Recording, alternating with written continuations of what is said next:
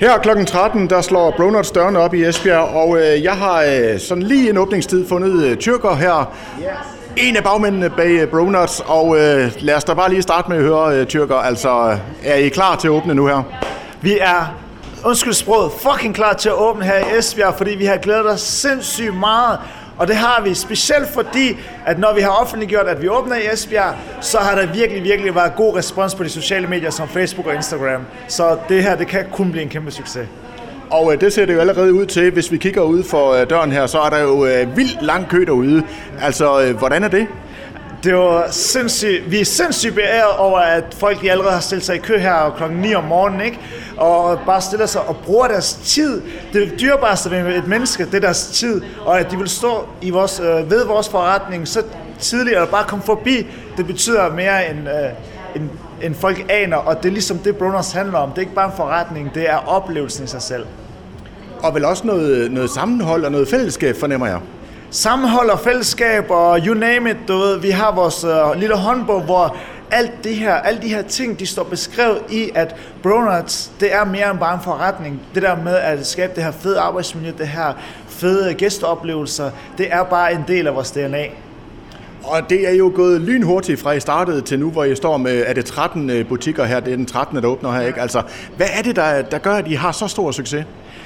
Jeg tror, det der gør, at vi har så stor succes, det er, at vi lytter til vores gæster.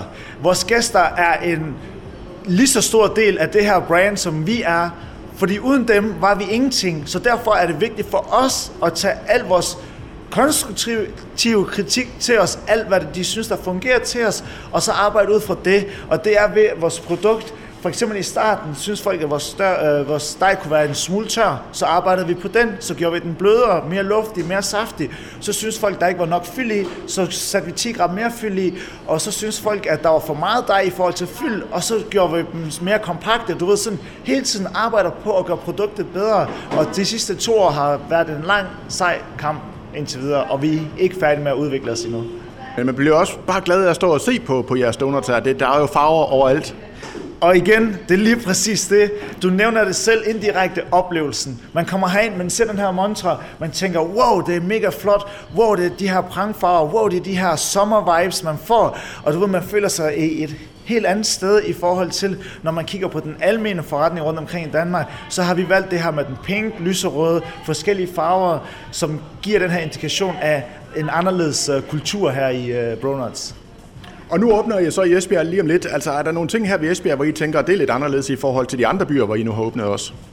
Uh, hver by er forskellig fra by til by, og det vi bare kan mærke her i Esbjerg, det er simpelthen, at folk bare har taget ekstra, ekstra, ekstra godt imod os, fordi at det har været under, over, under opsejling i en længere periode, og vi kan bare mærke på folks, uh, hvad skal man sige, uh, at komme nu til Esbjerg, hvornår åbner I? Er det nu her, eller snart her, inden vi havde offentliggjort uh, datorerne? Så der er bare sådan en speciel vibe, vil jeg kalde den ved Esbjerg.